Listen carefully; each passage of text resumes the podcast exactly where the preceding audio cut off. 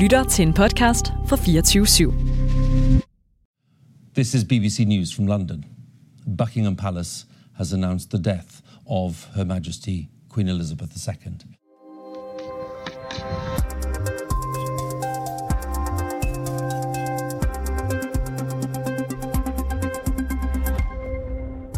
Dronning Elisabeth den anden af Storbritannien er død. Britterne har sagt farvel til den længst siddende monark nogensinde. Syv årtier sad hun på tronen. Dronning Elisabeth var 96 år gammel, da hun torsdag eftermiddag lokaltid blev erklæret død. Her befandt hun sig på slottet Balmoral i Skotland, hvor hun sov stille ind. Nu er Union Jack på hals over hele Storbritannien. Regeringsledere, kongelige overhoveder over hele verden øh, sender deres varmeste tanker og kondolencer til det storbritanniske folk. Og britternes nye overhoved, det er kong Charles den 3. af Storbritannien. Du lytter til en særudgave af konfliktzonen her på 24-7, hvor vi går tæt på britternes store moder gennem 70 år. Og ikke mindst så ser vi nærmere på, hvor det britiske kongehus står nu efter tabet af en af verdens mest populære monarker.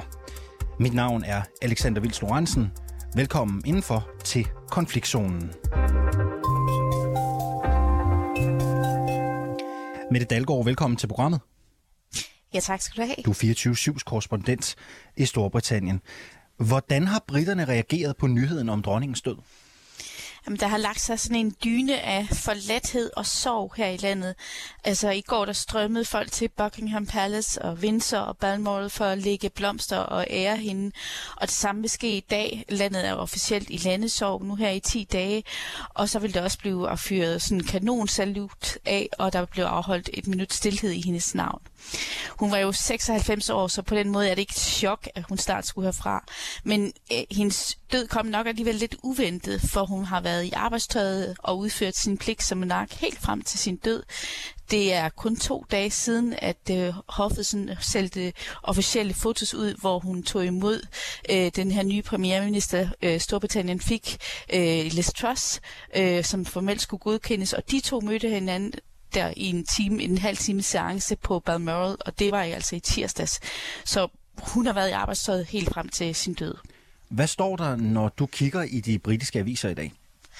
Jamen, der står, at hun var ekstremt dedikeret til at udfylde rollen øh, som det, hun selv kaldte folkets tjener.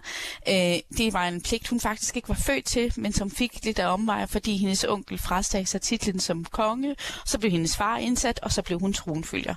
Øh, ord som pligt, beskedenhed, selvopoffrelse og arbejdsomhed går igen. Og Liz Truss, hende jeg nævnte før, den nye premierminister, hun kaldte hende i går en rollemodel, og den klippe det moderne Storbritannien er bygget på. Altså, det bliver også fremhævet, at hun er sådan af den gamle skole, hvor man holder sig meget strikt til protokollen og ikke viser følelser. Mm, og ud af til kunne hun godt synes netop lidt følelseskold, men som privatperson, så skulle hun både være sådan skabsindig og humoristisk. Det er som sagt en monark, der har siddet på tronen i øh, 70 år. Hun har øh, væk haft 15 forskellige øh, premierminister under sig. Hun nåede også, som du selv siger, lige at øh, velkomme øh, Liz Truss øh, på posten forleden. Øhm, hvad har dronning Elisabeth haft af betydning for det britiske folk igennem ja, 70 år?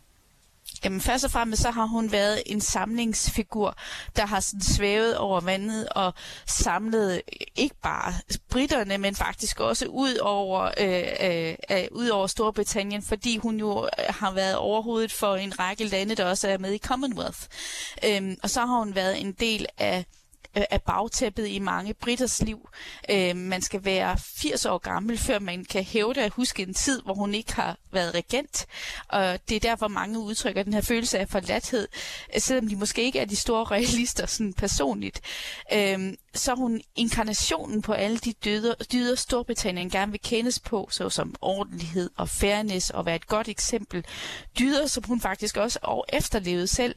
Øh, det så man, øh, da hendes øh, mand, prins Philip, døde for, et godt år, for godt et år siden, og han skulle begraves øh, under pandemien. Modsat Downing Street, som jo var meget kendt for at have travlt med at feste, så efterlevede hun de her strenge regler, som folket også blev bedt om at overholde. Og derfor sad hun mutters alene på en kirkebænk og krævede ikke særlige forhold, øh, da hendes øh, mand blev øh, begravet. Øhm, jeg så i går, øh, og det gjorde stort indtryk også på mig personligt, øh, hvordan øh, BBC afbrød øh, deres udsendelser øh, for at meddele øh, regentens øh, død. Øhm, det var meget indægtigt. Øh, det øh, var tydeligt, at, at det er noget, der betyder noget i Storbritannien. Øh, kan du ikke sætte et par ord på, øh, hvad er øh, britternes forhold til deres kongehus? Jamen, altså, men jeg tror, man skal adskille deres forhold til kongehuset med deres forhold til dronningen. Fordi hun var en meget, meget elsket og værdsat dronning, og som også blev dyrket enormt meget, særligt her det seneste år. Man har nærmest hæppet på, at hun skulle nå over målstregen for at nå at få, fejre det her 70 års øh, jubilæum, som hun, som, som hun jo øh, nåede her i foråret, og hun er den længst siddende regent. Så Øh, så hun er noget helt særligt i det britiske kongehus. Øh, hun er noget andet end hendes, øh, øh hendes sønner, øh, isærligt, øh, som har haft nogle skandalesager øh, bag sig. Hun er ligesom inkarnationen af af det, jeg prøvede at sige før. Altså det, som man ser som sådan den britiske ånd. Øh, det her med ordentlighed og fairness, og at man skal gøre sit bedste. Øh, det, det er ligesom det, som folk tænker på, når de ser hende. Hvad kommer der til at ske? Du siger selv, at, at, at britterne har et særligt forhold til øh, deres øh, dronning, deres nu forhenværende dronning. Hvad kommer der til at ske i Storbritannien i de kommende dage? Jamen, altså, øh, nu er der jo så 10 dages landesorg, øh, og, øh, og det betyder øh, blandt andet, at der er nogle ting, der ikke åbner i dag, for eksempel øh, Kew Garden, som er, som er sådan en botanisk have, øh, som også øh, filter sig meget godt ind i kongehuset, har for eksempel meldt, at de holder lukket. Øhm, og så øh, øh, og så, er der, så, så bliver der flaget på halvt, og jeg nævnte også, at der skal være et minut stillhed i dag. Øh, vi ved ikke helt, vi kender ikke sådan de endelige detaljer om begravelse og kroning endnu, så det må vi vente lidt med at se på. Øh, men altså, der er jo ikke nogen tvivl om, at folk kommer til at, øh, at tage ind til de her steder, hvor hun sådan er, er, har svævet øh, over vandene, altså Buckingham Palace og Windsor, og i stadigvæk ligge lig, øh, lig blomster og tale om, hvad det, var, hun, hvad det var, hun var for en dame, og hvorfor en rolle hun udfyldte. Og som du også siger, så er hun jo mere populær end hendes sønner. Øh, mm. Nu får øh, Storbritannien kong Charles den 3. Kan han, som du ser det, ride videre på sin mors succes? Jamen, med til historien om den længst siddende monark, altså dronning Elisabeth II, hører faktisk også historien om den længst siddende tronfølger, hendes søn, kong Charles. Øh, med sine 73 år, så bliver han jo på ingen måde, øh, øh, hvad hedder det, øh, en person, der kommer til at sidde der lige så lang tid som sin mor. Øh, han, bliver han er jo sådan også, hvis man kigger i historiebøgerne, faktisk også den ældste nyslåede konge. Så han kommer ikke til at vokse sammen med tronen, sådan som hans mor har gjort. Og i den brede befolkning, der bliver han også helt lidt som en træmand, øh, der er afkoblet fra sine følelser. Han er gift med Camilla, som mange britter også har haft et anstrengt forhold til. Det er blevet blødt lidt op. Men det var faktisk Camilla, som han øh, havde en affære med, øh, da han var gift med prinsesse Diana. Og prinsesse Diana var jo den her øh, meget, meget elskede figur øh, i, i det britiske øh, samfund. Så han bliver den første fraskilte monark, der sætter sig på tronen, og han har også en, en nogle sådan personlige skandalesager, han sætter, slæber med derind, og så han på en eller anden måde skal afkoblet fra sin pers- person. Ikke? Øhm, mange britter ser ham som en øh, overgangsfigur, og forventer ikke, at han sådan vil revolutionere og modernisere kongehuset. De stør- lægger større lid til hans søn, kronprins William. Han får, fremstår sammen med sin kone, øh, eller hustru, øh, Kate, meget mere sådan dynamisk og i takt med, med folket og folkets stemme. Og her til sidst, hvis jeg lige må sige en lidt pussy detalje, som landets formelle overhoved skal kong Charles briefes ugenligt af landets premierminister. Og som jeg nævnte før, så er hun jo også ganske ny på posten, så det bliver altså to noviser, der skal mødes og drøfte lederskabet af Storbritannien. Og hvad betyder hun det? Har været, Jamen, øh, formentlig ikke øh, så meget, øh, for der er jo nogle protokoller for, hvordan det her skal foregå, og han har jo også stået lærer hos sin mor formentlig. Øh, men men de, det bliver to noviser, der skal mødes øh, og, og, og finde ud af en eller anden melodi fremadrettet. Og på den måde, så skal han jo altså også ligesom steppe op og sige, men det her, det kan vi godt sammen, og nu skal vi videre øh, som Storbritannien. Her til sidst, Mette Dalgaard, øh, to øh, måske lidt mere personlige spørgsmål. Ja. Øh, hvordan reagerede du selv, da du modtog nyheden? Ja, men altså, vi var jo blevet briefet om, at det godt kunne lade sig, altså, at, at det formentlig ville ske inden for kort tid, fordi at Storbrit, eller BBC gik jo med sørgeslips på, på skærmen kl. 12 og sagde, at nu havde, var der den her meddelelse om, at lægerne var bekymrede. Øh, og så har de jo simpelthen øh, lavet væg-til-væg-dækning på, på, på, hvad hedder det, på hendes liv og så videre, frem til meddelelsen kom der, øh, mens vi sad og spiste aftensmad. Øh, så øh, altså, det vidste vi jo godt ville ske, øh, så min tanke var faktisk med det samme at gå hen og tænde computeren, vi sad og spiste netop, øh, og så mine børn kunne være med i det her lidt historiske øjeblik og se øh, de her alvorsfulde øh, miner og forstå, hvad det var, der var sket, så de også kunne tale med i morgen eller i dag, når de skal i skole om, hvad det er, der er sket. Hvad vil du huske hende for? Hvad jeg vil huske hende for? Og jamen altså, jeg, jeg er ikke selv den store royalist, må jeg skynde mig at sige. Og jeg tror måske, øh, at, øh, at jeg synes, hun manglede en sødme, som vores egen øh, øh, dronning har. Øh, og, og jeg tror måske det, som jeg synes, sådan hvad skal man sige, sådan retrospektivt har været interessant, det var den måde, hun ligesom taklede, øh, sådan helt personligt, synes jeg, at den måde, hun taklede, øh, hvad hedder det, øh, prinsesse Dianas død på, og folkets sorg, viste, at hun var ude af trit med sin, sin sin, øh, hvad hedder det, sin egen befolkning. Hun skyndte sig op til Balmoral øh, med, med, med Dianas øh, to sønner, øh, prins William og prins Harold, øh, Harry og, og lukkede sig inde derop. Formentlig sådan den positive udlægning er, at hun har været en omsorgsfuld farmor.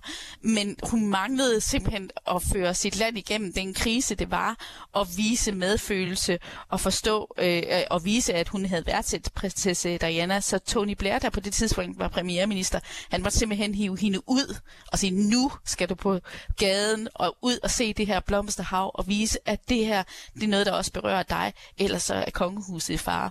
Så det er faktisk en af de historier, jeg synes, der er, der er mest interessante med hende. Mette Dalgaard, 24-7's korrespondent i Storbritannien med fra London. Tak fordi du havde lyst til at øh, være med.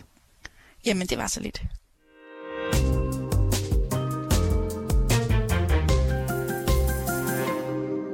Lars øh, Hårbakke Sørensen, nu kan vi sige godmorgen og velkommen til dig. Ja, godmorgen. Du er historiker, og så er du også kongehusekspert, øh, lektor og Ph.D. i international øh, historie og politik. Vi skal se lidt nærmere på, hvilken betydning øh, dronning Elisabeth har haft også internt i det britiske kongehus. Og det er faktisk mit første spørgsmål øh, til dig også.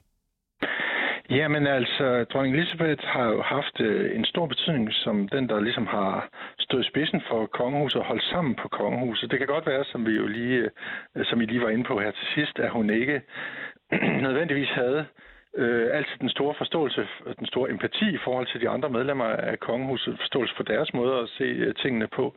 Men hun havde jo udad til den her samlende kraft i forhold til det britiske folk, og var dermed med til at styrke kongehuset generelt, hvilket jo så også kom de øvrige medlemmer af kongehuset i Storbritannien til, til gode. Selvom øh, dronning Elisabeth jo har været en stærk populær dronning i Storbritannien, så har der også været udfordringer igennem tiden. Det kan man ikke komme udenom. Øh, blandt, andet, blandt andet da den øh, folkekære prinsesse Diana døde. Øh, hvordan satte dødsfaldet og hele historien om det mislykkede ægteskab mellem prins Charles og prinsesse Diana sit præg på dronning Elisabeth også som en, som en samlende figur? Jamen, det er meget interessant, fordi øh, man kan sige, hvis man sammenligner med andre europæiske monarkier, vi har jo 12 monarkier i alt i Europa øh, i dag, når man øh, sammenligner med nogle af de andre, så de steder, hvor kongehuset har haft mest populær, har haft øh, dermed også størst øh, sammenhængskraft betydning, det er de steder, hvor man har foretaget en gradvis modernisering, som man for eksempel har gjort i Danmark under dronningen Margrethe, og derfor har kongehuset været så populært øh, i hele hendes regeringstid. Det, som øh, dronning Elisabeth gjorde øh, af fejl på et, øh, på, et, øh, på et tidspunkt, det var, at hun ikke ikke moderniseret nok. Altså man skal jo helst øh, både modernisere og blive sådan mere og mere folkelig og mere og mere øjenholdt med befolkningen, men også holde fast i nogle af de gamle traditioner. Men dronning Elisabeth, hun holdt på et tidspunkt for meget fast i de gamle traditioner, og det var så det, der kan man sige i alt øh, samlet set kom til at skade kongehusets popularitet, fordi øh, prins Charles, han skulle overhovedet ikke have været gift med hende. Han blev gift med tilbage i 1981, nemlig øh, Diana Spencer, som hun hed dengang. Men måske skulle han have været gift med en, han i virkeligheden øh, holdt af øh, og elskede, i stedet for en, som, øh, som man krævede øh, skulle være adelig, og ovenikøbet en ung adelig jomfru. Det lyder jo fuldstændig oldnordisk. Og det var jo det, der var kravet, fordi det var et alt for gammeldags kongehus, som ikke var fuldt med tiden. Og det var så lige præcis det, der førte til alle tragedierne med skilsmissen og efterfølgende den her tragiske pilulykke i 1997. Det var simpelthen, at man moderniserede for, for langsomt, og det gik jo så ud over populariteten. Så styrtdykkede tilslutningen til monarkiet jo i den britiske befolkning ifølge meningsmålingerne der i, i slutningen af 90'erne og begyndelsen af 2000'erne, indtil så dronning Elizabeth forstod, at hun skulle til at være mere folkelig, og William og Kate også ikke mindst kom ind i billedet og begyndte at gøre det til et mere øh, folkeligt øh, kongehus. Så det er et super godt eksempel på, hvad der kan ske med populariteten og tilslutningen til kongehuset som monarkiet som statsform, hvis man går for langsomt frem i monarkiet. Man kan også finde eksempler på det modsatte i europæisk historie, men det er et af eksemplerne på, på det her, at den her alt for store konservatisme. Nu har øh, Storbritannien jo så øh, fået officielt en ny regent i form af kong Charles den 3. Han skal selvfølgelig lige krones øh, inden for de næste tre måneders tid. Og han har jo mildest talt ikke altid nyt den samme popularitet som dronning Elisabeth. Hvorfor kæmper han i højere grad med sit image? Det gør han af flere grunde. Dels øh, især to ting. Dels har han jo haft de her personskandaler knyttet til sig, alt det her med Diana, som vi lige var inde på. Dels så øh, har han, øh, fra han var helt ung tronfølger, øh, udtale sig om politiske spørgsmål i en grad, som kongelige i Europa normalt ikke gør, i hvert fald ikke de centralt placerede kongelige personer. Allerede i 70'erne var han meget stor fortaler for, at man skulle slå ind på en meget mere grøn kurs. Altså han var meget interesseret i miljøspørgsmål osv., som jo var noget, der delte vandene på det tidspunkt. Der var jo ikke den samme store generelle tilslutning i befolkningerne til, til grøn omstilling og til, at man skulle tænke på klima og sådan noget på det tidspunkt. Men på det tidspunkt talte han om økologi og grøn omstilling osv. Og dermed blev han jo så en meget politisk person, som kom til at splitte, i stedet for at samle befolkningen. Og det er jo det, der sådan har præget ham hele vejen igennem. Øh, og det er klart, så bliver tilslutningen ikke så stor, når man hver gang man udtaler sig om politik, så vil man jo få cirka halvdelen af befolkningen imod sig. Og, og det har han gjort forskellige gange i alle mulige forskellige øh, sammenhænge. Så det, der bliver afgørende for, om han i fremtiden så kan blive mere populær, end han måske har været indtil nu, det er jo, om han holder op med den her kurs med at være kontroversiel og komme med politiske udtalelser. Om han retter til og bliver, øh, bestemmer sig til, at nu, vil han, nu hvor han er blevet statsoverhoved, have mere den samme kurs, som hans mor havde, da hun var det, at hun aldrig udtalte sig om politik. Ja, for hvor vurderer du, hans popularitet står i dag? Jamen ifølge målingerne, så er, er den jo meget lavere end hans mors øh, vej lige til det sidste. Øh, og, øh, og der er jo mange britter, der ikke bryder sig særlig meget om ham som person af de to grunde, vi lige var, var inde på nu. Så, så der er mange, der vil sidde og vente på, at nu bliver, nu bliver han en overgangsfigur, som skal være konge i relativt få år formentlig. Og så kan hans søn William, som de egentlig helst ønsker som den næste konge, endelig komme på tronen. Ja, det er jo interessant, det du siger, øh, fordi øh, der er jo også foretaget øh, målinger, som viser, øh, at øh, han er øh, mindre populær end sin søn. Hvad kan det betyde for hans regentperiode? Jamen det kommer til at betyde formentlig, at, øh, at øh, der vil være mange, der ikke øh, synes særlig godt om ham øh, af, af de britter, som, som, som, som lever nu, og som, som bare vil gå og vente på, at, at William tager over, som sagt. Og det, det, jeg tror, han vil blive tålt, så at sige, i den britiske befolkning, fordi han er jo 73, og øh, folk ved jo godt, at øh, han kommer ikke til at sidde så forfærdeligt mange år, uanset hvor gammel han bliver. Og derfor vil han blive tålt formentlig, medmindre han laver nogle nye, kæmpe store skandaler, så vil han blive tålt i den periode, fordi de har det øh, positive at se frem til ude i horisonten, britterne, at William øh, en dag øh, om ikke så længe skal, skal tage over. Hvad skal vi forvente af Charles som, som regent? Jamen, øh, det kommer egentlig an på, om han agter at skifte kurs i forhold til de her politiske udtalelser. Men ellers så skal vi jo forvente en regent, som på mange måder, selvom han har moderne holdninger på nogle punkter, for eksempel det her med miljø og klima har været forud for sin tid med det, jo også har meget konservative holdninger og sådan meget bliver opfattet lidt som arrogant og lidt en særling måske, øh, mere end hans søn William, som er, er meget mere øh, i øjenhøjde med folk og meget mere øh, almindelig øh, på den måde, han kan, kan tale med almindelige mennesker på, på en meget mere afslappet måde, ligesom også Kate kan hans, hans hustru. Så, så det vil blive en konge, der vil blive opfattet som, ja, lidt af en særling i virkeligheden, øh, men han har jo mulighed for at forbedre tid, netop hvis han slår ind på en, en, en, en mere normal kurs i forhold til ikke at udtale sig politisk, og også vil han kunne udnytte, hvis han forstår at gøre det rigtigt, så vil han kunne udnytte den følelse af sympati, som øh, befolkningen øh, jo selvfølgelig vil have med hele familien her i den første tid efter dronning Elisabeth er, er, er gået bort. Og dronning Elisabeth hører vi Mette Dalgaard sige tidligere har formået at være en samlende figur. Hun er i hvert fald blevet en samlende figur, efter hun også har været med til at modernisere øh, kongehuset. Øh, ja, det, er jo et, øh, det er jo et skandalernes kongehus på mange måder også. Det kan man jo ikke komme udenom, når man taler om, om det britiske kongehus. Kan øh, kong Charles også internt i kongehuset øh, agere den her samlende figur, tror du? Øh, det bliver noget sværere, fordi der er så meget splittelse på grund af alle de ting, der har været med Diana. Øh, der er så meget intern øh, ballade øh, mellem William og Harry til synlædende, og internt øh, mellem alle familiemedlemmerne.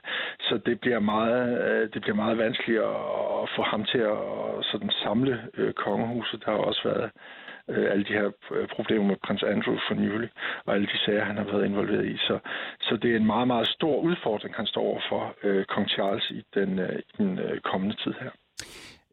Vi hører jo også, at, øh, at der er en anden øh, lidt pussy, kan man sige, og måske også øh, uheldig øh, situation i Storbritannien lige nu, øh, det er, at man både har en helt ny og uprøvet premierminister, og en helt ny og uprøvet konge også. Øh, hvad kan det betyde for Storbritannien, hvis noget, tror du? Jamen det er klart, at øh, man trækker jo normalt altid på erfaringerne. Øh, og som du ganske rigtigt er inde på, så vil man jo normalt have en situation, hvor man enten har en erfaren premierminister eller en erfaren konge. Og det kommer man jo til at mangle, men de har jo selvfølgelig en masse folk til at hjælpe sig med, med, øh, med hvordan man, man gør tingene. Øh, der er jo en kæmpe stab omkring øh, både premierministeren og, og kongen, som øh, både kommunikationsafdelinger og andre embedsfolk på alle mulige forskellige lederkanter, som, øh, som kan hjælpe dem til at, at få en forståelse af, hvad er traditionerne, og hvad gør man i den og den situation.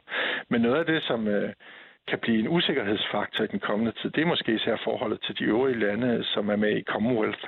Øh, fordi der har man jo løbende igennem mange år haft diskussioner om, der er en masse, øh, der er 56 stater i Commonwealth, her i blandt en, en lang række øh, øh, stater, som har øh, den britiske monark som statsoverhoved.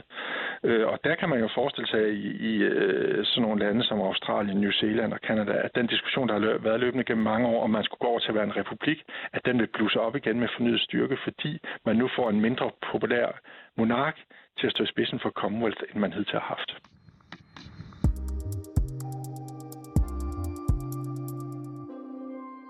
Du har lyttet til dagens afsnit af Konfliktzonen 24-7's udlandsmagasin. Jeg hedder Alexander Vils Lorentzen, og Sofie Ørts har siddet i redaktionen sammen med Karoline Fodgård Hansen den her morgen. Husk, at du kan lytte til vores programmer direkte hver mandag til torsdag, normalt mellem 8 og halv 9 her på kanalen, eller så kan du altså hente det der, hvor du henter dine podcasts.